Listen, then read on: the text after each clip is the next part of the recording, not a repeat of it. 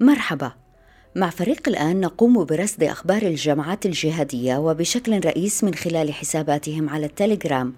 نرصد الأخبار ونحاول أن نضعها في إطارها. ماذا تعني اليوم؟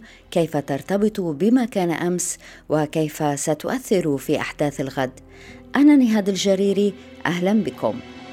مرصد الجهادية بودكاست على راديو الآن.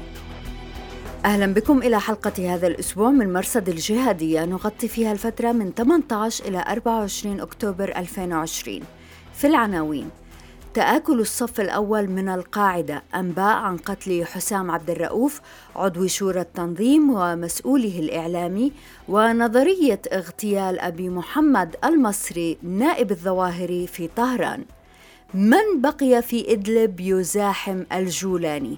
التحالف يقتل مستقلين ومنشقين وجناح صوفان الجولاني يسيطر على مقرات الفوعة وأريحة التابعة لحركة أحرار الشام عام على قتل البغدادي وتنصيب أبي إبراهيم الهاشمي خليفة لداعش أين التنظيم اليوم؟ I, think the rank and file أعتقد أن المتنفذين في التنظيم لن يكترثوا وسيقولون حاضر. نتحدث اليوم إلى تام حسين الصحفي في تلفزيون آي تي في البريطاني والحائز على جوائز عالمية عن عمله الاستقصائي المتخصص بالجماعات الجهادية. وبإمكانكم الرجوع إلى أخبار الآن دوت نت للاطلاع على نص هذه الحلقة ومشاهدة النسخة التلفزيونية. مرصد الجهادية بودكاست على راديو الآن. نقل صحفيون أفغان عن مصادر رسمية أن الفرقة الخاصة في جهاز الدفاع القومي تمكنت من قتل حسام عبد الرؤوف مسؤول القاعدة الإعلامي ومساعد الظواهري عبد الرؤوف أو أبو محسن المصري ويعرف أيضا باسم عبد الهادي مصطفى هو عضو مجلس شورى قيادة تنظيم القاعدة ويعتقد أنه كان التالي في زعامة التنظيم خلفا للظواهري لدينا ملف كامل عن هذا الخبر في أخبار الآن دوت نت. وهذا الأسبوع تتبعنا خبرا غريبا. ورد في حساب على تويتر اسمه أنباء جاسم معروف بقربه من القاعدة. الحساب توقف فلم نستطع تتبع الخبر من خلاله. الخبر يقول إن أبا محمد المصري نائب الظواهري اغتيل في طهران مطلع أغسطس وأن أكثر من جهة غطت على الخبر وقالت إن المقتول هو إيراني أو لبناني من حزب الله اسمه حبيب داوود أو داوودي. اغتيل مع الرجل شابة قالت السلطات الإيرانية إنها ابنته واسمها مريم.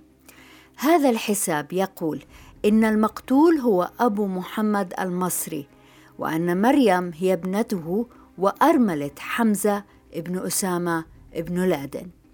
وخلص إلى أن القاعدة تتستر على النبأ حتى لا تحرج الضيافة الإيرانية. نذكر أنه عاش ويعيش في إيران كبار قادة القاعدة الذين فروا من أفغانستان عقب الغزو في 2001 أطلق سراح البعض في صفقة مع القاعدة في اليمن وبقي آخرون منهم المصري وسيف العدل يعيشون بحرية باستثناء طبعا مغادرة البلاد لماذا نلاحق هذه القصة؟ فيها ما يدعونا إلى السؤال لماذا قيادة القاعدة أو أنصارها المتنفذون لا يؤكدون أو ينفون الخبر؟ المكتب الإعلامي في حزب الله قال لي إن المقتول ليس لبنانيا. ومصدر في طهران قال إن المقتول ليس إيرانيا ولا لبنانيا ولا سوريا ولا فلسطينيا. هل الرجل أبو محمد المصري على قيد الحياة أم أنه مات؟ الملف كاملا في أخبار الآن دوت نت. مرصد الجهادية بودكاست على راديو الآن. ماذا يحدث في حركة أحرار الشام؟ حركة أحرار الشام أكبر مكونات الجبهة الوطنية للتحرير التابعة للجيش الوطني السوري وهو نسخة أخرى من الجيش الحر. في 12 أكتوبر قرر قائد الحركة جابر علي باشا ونائبه علاء فحام أبو العز أريحة عزل أمير قطاع الساحل أبي فارس درعا لكن أبا فارس رفض القرار وسانده في ذلك قائد الجناح العسكري عناد درويش أبو المنذر وأيدهما في ذلك حسن صوفان القائد السابق للحركة. هيئة تحرير الشام آزرت الرافضين بأن أقامت حواجز في المنطقة واعتقلت قائد المغاوير الموالي لجابر علي باشا. صوفان في بيان نشره وقتها رفض أن يكون مؤيدا للتمرد لكنه اتهم. جابر علي باشا بالتهور وتدمير الحركة ودعا إلى تغييره. وأبو المنذر دعا إلى إعادة تنصيب صوفان أبو العز أريحة تفاوض مع صوفان وجماعته للتوسط عند الهيئة وإطلاق سراح المعتقلين وانسحب من المنطقة وقتها. في 20 أكتوبر أصدرت قيادة الحركة قراراً بعزل أبي المنذر قائد الجناح العسكري وإعادة هيكلة قيادة الألوية. ويبدو أنه تم الاتفاق على عقد جلسة الصلح لكنها لم تنجح. في 23 أكتوبر توجهت أرتال الهيئة وحاصرت مقرات الأحرار في الفوعة وأريحة. جابر علي باشا وصف ذلك بطعنة جديدة تطعن بها الحركة. وفي مساء ذلك اليوم ترددت أنباء أن الحركة اتخذت قرار عدم المواجهة وأن صوفان والهيئة يسيطرون على أريحة والفوعة. هيئة تحرير الشام أصدرت بيانا تخلي فيه مسؤوليتها عما حدث. يقول البيان إنهم تفاجؤوا بما حدث الاقتتال شأن داخلي. إنهم جمعوا الطرفين وعرضوا عودة الأمور إلى ما كانت عليه قبل النزاع وتمت الموافقة ولكن قيادة الحركة عادت عن الاتفاق. وإنه تناهى إلى أسماع الهيئة نية صدام عسكري بين الطرفين. وإن من سيطر على المقرات في الفوعة وأريحة هو أحد طرفي النزاع من دون أن يسميه البيان. ويختم بيان الهيئة بأنهم حفظا لأمن المنطقة سيسعون إلى حل يرضي الطرفين. حساب الأحرار قال إن هيئة تحرير الشام تحاول حسم الأمر لصالح بعض الأشخاص الانقلابيين ضد القيادة الشرعية للحركة وإن الهيئة تأخذ دور الحمل الوديع المصلح وما هم إلا الثعلب المكر الخلاصة ما يحدث في حركة أحرار الشام هو محاولة الجولاني إضعاف الجماعات الأخرى وتذويبها أو ضمها إلى مجلس عسكري يسيطر هو عليه. مرصد الجهادية بودكاست على راديو الآن. في 22 أكتوبر قال الجيش الأمريكي إنه قصف مزرعة في قرية جكارا قرب سلقين شمال غرب إدلب اجتمع فيها رجال على وليمة عشاء. ماذا نعرف ولا نعرف؟ عدد القتلى لا يقل عن عشرة أشخاص. الوليمة كانت مجلس صلح لكن لا نعرف بين من ومن. الجيش الأمريكي قال إنه استهدف قادة من القاعدة من دون أن يسميهم. الإعلام الصادر من إدلب أكد قتل قياديين وصفوا بأنهم يعارضون الهيئة. بالإضافة إلى أبناء عشائر مثل شيخ العقيدات أبي حسن شاش وعناصر تعمل مع هيئة تحرير الشام. تأكد مقتل أبي طلحة الحديدي أمير كتائب الفتح ونائبه حمود سحارة. وهذا هو الرجل الأهم. موقع أورينت نيوز كتب ملفا ممتازا عن الرجل. حمود سحارة هو حمود كني انضم إلى القاعدة في سن مبكرة سافر إلى العراق في 2003 وعاد في 2008 حيث اعتقلته قوات الأسد وسجن في صدنايا. أطلق سراحه في 2011 ليؤسس جبهة النصرة فرع القاعدة في الشام مع خاله عبد القادر رمضان الديبو الذي قتل في 2012 وهو العام الذي وصل فيه الجولاني إلى الشام واستلم زعامة الجبهة. أما حمود فظل والي حلب. بعد خلاف الجولاني مع القاعدة اعتزل حمود هيئة تحرير الشام رغم أنه ظل واليا على قطاع البادية لكنه كان يديره عبر أبي طلحة الحديدي. مع تأسيس حراس الدين انضم حمود إلى التنظيم أيام ليغادره إلى أنصار الدين ثم أسس مع أبي طلحة الحديدي وعصام التونسي كتائب الفتح. في حزيران 2018 أصدر أبو طلحة وحمود بيانا عن إنهاء العمل مع الهيئة للأسباب التالية. دخول الهيئة في تفاهمات سياسية مع دول أخرى في إشارة إلى تركيا واعتبار ذلك إغلاقا لباب الجهاد الصراعات الداخلية وغموض الهيئة. تأكد أيضا قتل أبي حفص الأردني والحقيقة هو حلبي عاش في الأردن وكان أمنيا في جبهة النصرة عام 2016 عصام الخطيب الذي كان قاضي تحقيق في هيئة تحرير الشام قبل أن ينشق عنهم قال إن أبا حفص كان يتولى ملف الطيران في الهيئة وهو من الملفات الأمنية الحساسة وإن الرجل أعفي من هذا الملف لكنه ظل عنصرا في الهيئة.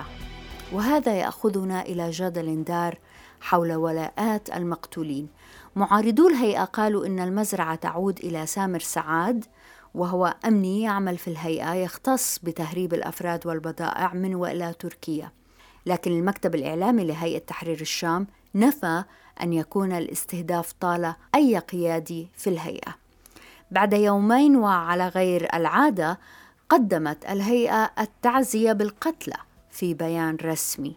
لفت في البيان ما يلي الاجتماع المستهدف كان مدنيا لمناسبة اجتماعية حضرها وجهاء عشائر وقيادات عسكرية مستقلة ومدنية.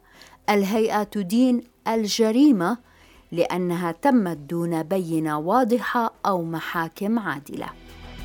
نذكر أن الهيئة لا تعزي بمن يستهدفه التحالف ولا يذكره إعلامها، ونذكر أن الهيئة اشترطت على تنظيم حراس الدين في الاقتتال الأخير ألا يعزوا في من يقتل، ولهذا جاء البيان مفاجئا. لكنه أثار سخرية المعارضين الموالين للقاعدة يقول حساب شر البلية ما يضحك وكأن استهداف التحالف لأبي خديجة وخلاد والقسام كان بعادلة وبينه واضحة حتى لم تخرج الهيئة ببيان تنديد فيهم. مرصد الجهادية بودكاست على راديو الآن. في 26 أكتوبر العام الماضي 2019 قتل أبو بكر البغدادي زعيم داعش في عملية لقوات التحالف في قرية بريشة غرب إدلب في اليوم التالي قتل وزير إعلامه أبو الحسن المهاجر. بعد أيام أعلنت قنوات داعش الرسمية أن المتحدث الجديد باسم التنظيم هو أبو حمزة المهاجر القرشي. عندما أطل بكلمة صوتية أعلن فيها اسم الخليفة الجديد أبا إبراهيم الهاشمي القرشي. في هذا الأسبوع وتحديدا في 18 أكتوبر بثت قنوات داعش كلمة جديدة للمهاجر الكل توقع أن يكون في الكلمة ما يشي بهوية الخليفة الغائب منذ عام لكنها حقيقة لم تأتي بجديد نفس الإنشاء الحماسي الذي اعتدناه.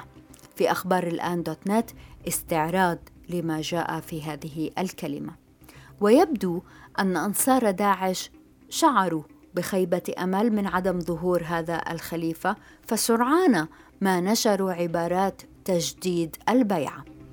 في اليوم التالي لكلمة المهاجر أعلن داعش أنه هاجم سجن كانغباي في الكونغو وأطلق سراح 1300 شخص. لم يعلن داعش عن صفة المطلق سراحهم. وسائل إعلام دولية قالت إن من السجناء متمردين في حركة ماي ماي ومنهم تجار حرب وزعماء قبليين وأعضاء. القوات الديمقراطية المتحالفة التي تنشط في أوغندا. لكن أنصار داعش اعتبروا ذلك تلبية لما جاء في كلمة المهاجر وأطلقوا حملة غزوة لب النداء وهو اسم مجتر من حملات سابقة. بالعودة إلى الخليفة المزعوم ما الذي نعرفه عنه؟ ثم التكهنات بأنه حج عبد الله قرداش أمير مولى. لكن جماعة التراث العلمي تيار البن علي يشككون في أن يكون هو الخليفة لأن رجله مبتورة وهذه مخالفة شرعية لشروط الخلافة. في المقابل لفت في حساب مخصص لكشف دواخل داعش استدلال على أن هذا الأبو إبراهيم الهاشمي القرشي هو فعلا حج عبد الله قرداش فكما توصلت الاستخبارات الغربية إلى هوية البغدادي بعد أشهر فقط من توليه زعامة ما كان يسمى بدولة العراق الإسلامية. كذلك وضعت أمريكا اسم قرداش على قائمة مطلوبيها قبل بضعة أشهر من توليه المنصب. كان ذلك بعد أن نشر بيان مزور في أغسطس 2019 نسب إلى داعش يقول إن البغدادي عين قرداش نائبا له. وبالتالي يخلص هذا الحساب إلى أن هذا التنظيم مخترق من خلال الوشاية في السجون كمصدر لمعلومات الاستخبارات. أمير مولى حج عبد الله قرداش سجن في العراق واستجوبته الاستخبارات الأمريكية في 2008 محاضر الاستجواب تشير إلى أنه كشف هوية العشرات من عناصر التنظيم مرصد الجهادية. ماذا يعني كل هذا بالنسبة لداعش؟ نرحب بالأستاذ تام حسين الصحفي في تلفزيون آي تي في البريطاني والحاصل على جوائز عالمية عن تحقيقاته الاستقصائية حول الجماعات الجهادية. شارك في تأليف كتاب إلى الجبال حياتي في الجهاد من الجزائر إلى أفغانستان. وأعماله موجودة في موقعه الإلكتروني tamhussein.co.uk شكرا جزيلا أستاذ حسين لوجودك معنا Thank you very much for having me. I'm very privileged to, to be hosted by you. Thank you. تسلم شكرا إذا بعد مرور عام على قتل البغدادي ماذا تغير على التنظيم؟ هذا سؤال عريض لكن أي أحداث تستحضرها حضرتك في هذا الإطار؟ It's without doubt that the organization itself has been degraded لا شك في أن التنظيم تراجع بشكل كبير وهنا لابد من الإضاءة على الأمور التالية. أولا صحيح أن التنظيم تراجع وتحول إلى ما يشبه الجماعة المارقة التي تحاول تغيير السياسة المحلية حسب ما تراه مناسبا لها. أنا حذر عندما أستخدم صورا من التاريخ لكن ما يفعله داعش اليوم يشبه ما فعله رشيد سنان شيخ الجبل. أمير جماعة الحشاشين. هو رجل من البصرة وكان له أتباع وكان يستطيع أن يؤثر في السياسة المحلية. كان يشن حرب عصابات وهذا هو حال داعش اليوم. تشن حرب عصابات وتحاول تغيير السياسة المحلية ويستغلون عدم الاستقرار في أي منطقة. في رأيي هذا هو ما تغير. عادوا إلى الطرق القديمة التي عرفوها في الماضي. في المقابل أفعال داعش وما يرمز إليه التنظيم لا تزال موجودة ولن تختفي في يوم وليلة حتى ولو انتهى التنظيم. I think still remains. And I don't think that that's going to go away, uh, go away tomorrow, even if the organization itself ceases to exist. ذكرت الجانب الرمزي المتعلق بقتل البغدادي كخليفة ماذا نعرف عن الخليفة الجديد لأي درجة هويته yes. مهمة yeah. بالنسبة لأنصار التنظيم I, I actually think to myself um, you know it doesn't the fact that we don't know who he is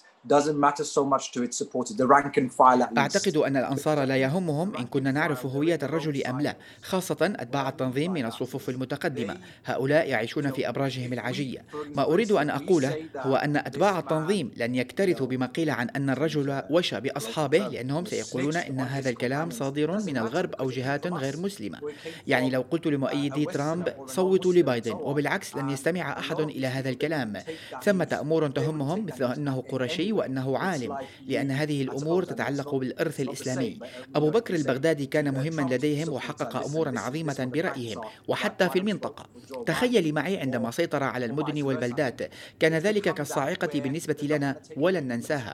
أما هذا الخليفة الجديد فلم يأتي بأي فعل على الإطلاق. وما من شك في أن ذلك سيؤثر على نظرة الآخرين له. يحتاج إلى أن يأتي أمر يكون له كالبصمة. البغدادي سيطر على الموصل والموصل ليست مدينة صغيرة ولهذا ينتظر من الخليفة الجديد أن يأتي بما يوازي ما فعله البغدادي بغض النظر عن نظرتنا نحن إلى هذا التنظيم. This Mosul is not a small city, you know. So all of these things he achieved. So that's that's what he has to match up to. It's irrespective of whether, you know, what regard we hold him in, you know. أستاذ حسين بالنسبة للنسب القرشي نعلم من جماعة البن علي أن البغدادي نفسه زور نسبه القرشي هل سيأتي أحد من أنصار داعش ليشكك في نسب الخليفة الجديد؟ I, think the rank and file Um, I think it's going to be على رأسي يعني. That's what that's what it's going to be you know like أعتقد أن المتنفذين في التنظيم لن يكترثوا وسيقولون حاضر. إن قال إنه قرشي فسوف يصدقه الأتباع بغض النظر عما يقوله الآخرون سواء جماعة البن علي أو غيرهم. أنصار التنظيم اليوم يتصرفون كأتباع طائفة مثل طائفة الحشاشين التي ذكرناها سابقا. يتبعون زعيمهم تبعية عمياء وخاصة المتنفذين. فإن قال إنه قريشي وعالم فلن يشككوا في ذلك. لكن أعتقد أن عليه أن يماثل ما فعله سلفه. Do something to match his predecessors you know to his predecessor. مضى على تنصيب الرجل أبو إبراهيم الهاشمي سنة ولم يفعل أي شيء. ماذا يعني هذا بالنسبة لهوية الرجل؟ إن سلمنا أنه فعلا حج عبد الله قرداش الذي يوصف بالمدمر والمعروف بقسوته لكنه لم يفعل أي شيء. ما معنى هذا؟ I mean look I think I, I think with regards to it's not so much himself as a person it's much more the much more the organization لا يتعلق الأمر بشخص الرجل بقدر ما يتعلق بالتنظيم. ما جاء به داعش هو حرب عصابات طورها على مدى عشرين عاما ومعظم عناصر التنظيم تخرجوا من هذه المدرسة. تربوا على هذه التعليمات منذ التسعينات عندما كانوا أطفالا وحيثما وجدوا عدم استقرار في منطقة دخلوها وبنوا على مآسيها. يعرفون كيف يستغلون الخوف والجوع. هؤلاء أشخاص اعتادوا هذه الظروف وكونوا تنظيما يستطيع التأثير على المنطقة. حتى اليوم لا يزالوا يؤثرون في بعض المناطق. لا يزالون قادرين على شن هجمات من قبيل حرب العصابات. لا يعني هذا أن تأثيرهم خطير ولكن إن لم تطور استراتيجية لمكافحتهم وتحول الأمر إلى حرب طويلة الأمد فسيصبح التنظيم مشكلة. There is no strategy that and it just becomes a forever war. That's I think is a, is a problem you know? أستاذ حسين إذا نظرنا إلى قيادات الصف الأول في داعش فهم يتعرضون للتصفية واحدا تلو الآخر. وإذا فكرنا في الملايين ملايين الدولارات التي كانت في حوزتهم لا أحد يعلم أين هي. إلى أي درجة هذه الحالة في الصفوف الأولى في الصف الأول من تنظيم داعش تشكل حرجا لأنصار هذا التنظيم بعد سنة من قتل البغدادي؟ Uh, of course ISIS made a strategic mistake when they decided to kind of declare war on the whole world. ارتكب داعش خطأ استراتيجيا عندما أعلن الحرب على العالم وتسبب هذا في تراجعهم وتدمير بنيتهم التحتية. ولهذا لا نتوقع للتنظيم أن يتعافى خلال عام. لا يستطيع أي تنظيم أن يتعافى في هذه المدة. قد يستغرق سنتين أو ثلاثة حتى يجد موطئ قدم ويعود إلى هجماته المعتادة. هذا لا يعني أنهم صاروا يشكلون حرجا لأننا نرى أنهم بدأوا هجمات أكثر تأثيرا في العراق. والأذرع الإعلامية التي تدمرت في وقت ما عادت إلى كل القنوات. في المقابل ثمة أمور تجعل التنظيم أضحوكا وأقصد هنا مرحلة ما بعد داعش. لدينا أيضا القاعدة التي تراجعت لكن التنظيمين يأتيان من ذات المكان. لا أعتقد أنهما مدرستان مختلفتان بل هما ظلان لشيء واحد. وأعتقد أن ما تعلمته الجماعات الجهادية الأخرى خاصة في إدلب من سقوط داعش هو أن المشروع السلفي الجهادي غير ناجح وأن عليهم تطوير استراتيجية مختلفة. وهذا تسبب في شقاق بين الأصوليين مثل القاعدة وحراس الدين وحتى داعش. ولهذا ليس غريبا أن نجد تقاربا بين عناصر من جماعات مختلفة. فهناك تواصل بين المجموعات الأصولية. أما البراغماتيين فيقولون إنهم يقبلون الجهاد طريقا للمستقبل لكنهم يدركون أنه لا بد أن يتصرفوا كدولة وأن سلوك الدولة مختلف عما يعتقدون وهذا سبب خلافا بين الجماعات. And that's why we're seeing a divergence. أستاذ حسين لكنهم أعلنوا الخلاف خلال سنة أو أقل. وهذا حقيقة يجعلنا نراجع الظروف التي كانت سائدة في العراق في ذلك الوقت والتي سهلت هذه المهمة.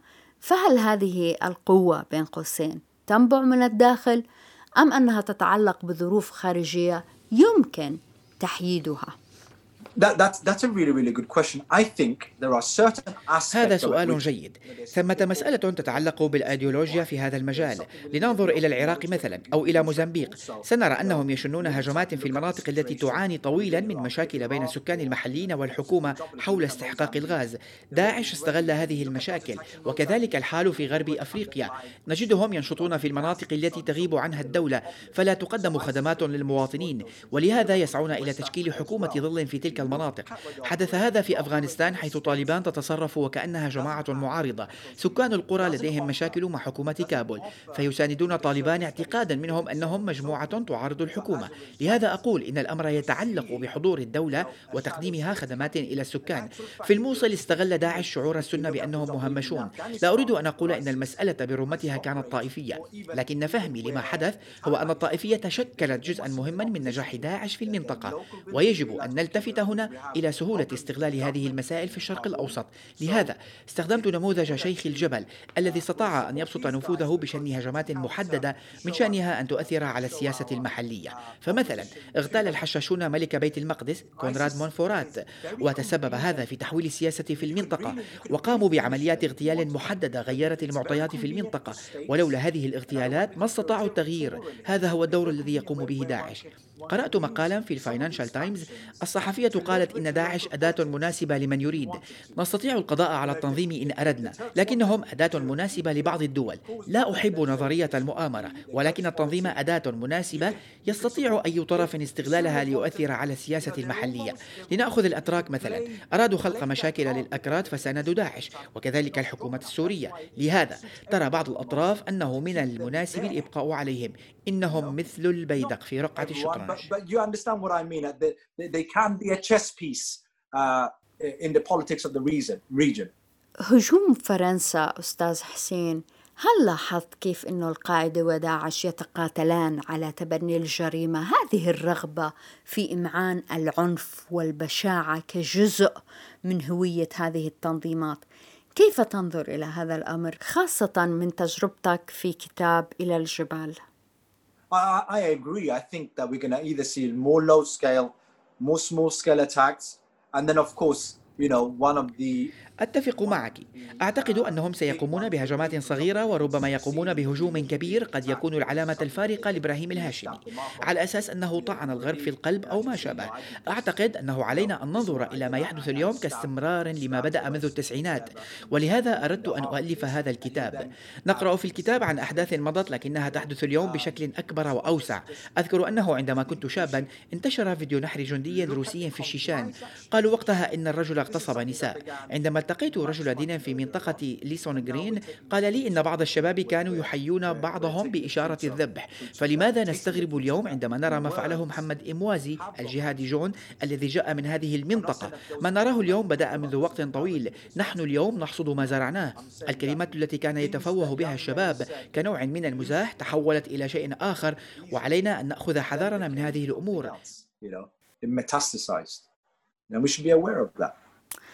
أستاذ حسين بعد كل هالسنوات في العمل على ملف الجهادية هل لا يزال يدهشك شيء؟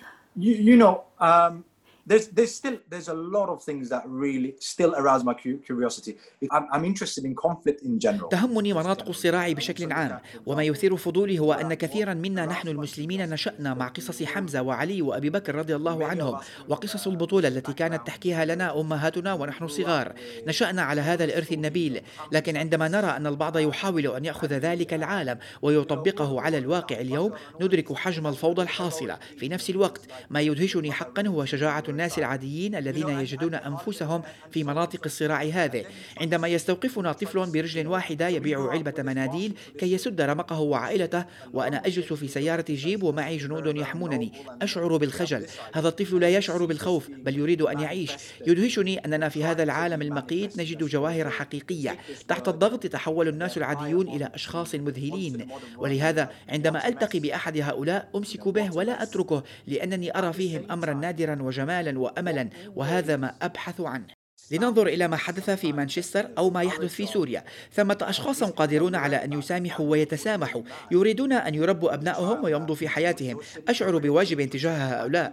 وأريد أن أقول أيضا إننا لا نزال نرتكب نفس الأخطاء. وكأن الشباب يسخرون من الكبار ولا يقيمون لهم اعتبارا لأنهم ارتكبوا أخطاء فلا يستمعون إليهم. لكنهم هم أنفسهم يرتكبون نفس الأخطاء.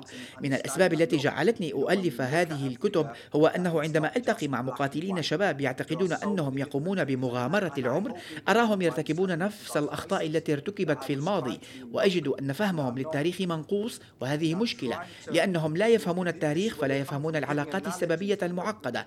ينظرون إلى أفغانستان فيخطر لهم البطولة وما إلى ذلك ولكن لو نظرنا إلى ما حدث في بروكسل وما فعله أبا عود في باريس نجد أنه استلهم ذلك من أفغانستان ومن أشخاص اغتالوا أحمد شاه مسعود. العلاقات موجودة لكن الناس لا يدركونها في إطارها التاريخي. وعندما أراهم يتحدثون عن التاريخ بثقة ولكن بطريقة مغلوطة أشعر أن ثمة حاجة لحفظ التاريخ الصحيح للأجيال المقبلة. أريدهم أن يفهموا تاريخ هذا العالم الذي يزداد تعقيدا ويختلط فيه الأبيض بالأسود. أن أكون مسلما لا يعني أن أتعامل مع غير المسلم بطريقة مختلفة كلنا بشر إن استطعنا أن نتعامل مع الآخر بإنسانية فسيكون هذا العالم مكانا أفضل I'm a Muslim, you know, uh, and it's different from the way I treat a non-Muslim and so on, you know. Uh, we're all human beings. And if we can connect that way, I think that's the world will be a better place, in my view. الأستاذ تام حسين الصحفي الاستقصائي المتخصص بالجماعة الجهادية شكرا جزيلا لوجودك معنا شكرا لله. Thank you very much. I really, I'm, I'm very privileged that you had me. Thank you very much, honestly. مرصد الجهادية بودكاست على راديو الآن وشكرا جزيلا لوجودكم معنا في راديو وتلفزيون الآن بإمكانكم الاطلاع على نص هذه الحلقة في أخبار الآن دوت نت أنا نهاد الجريري مع السلامة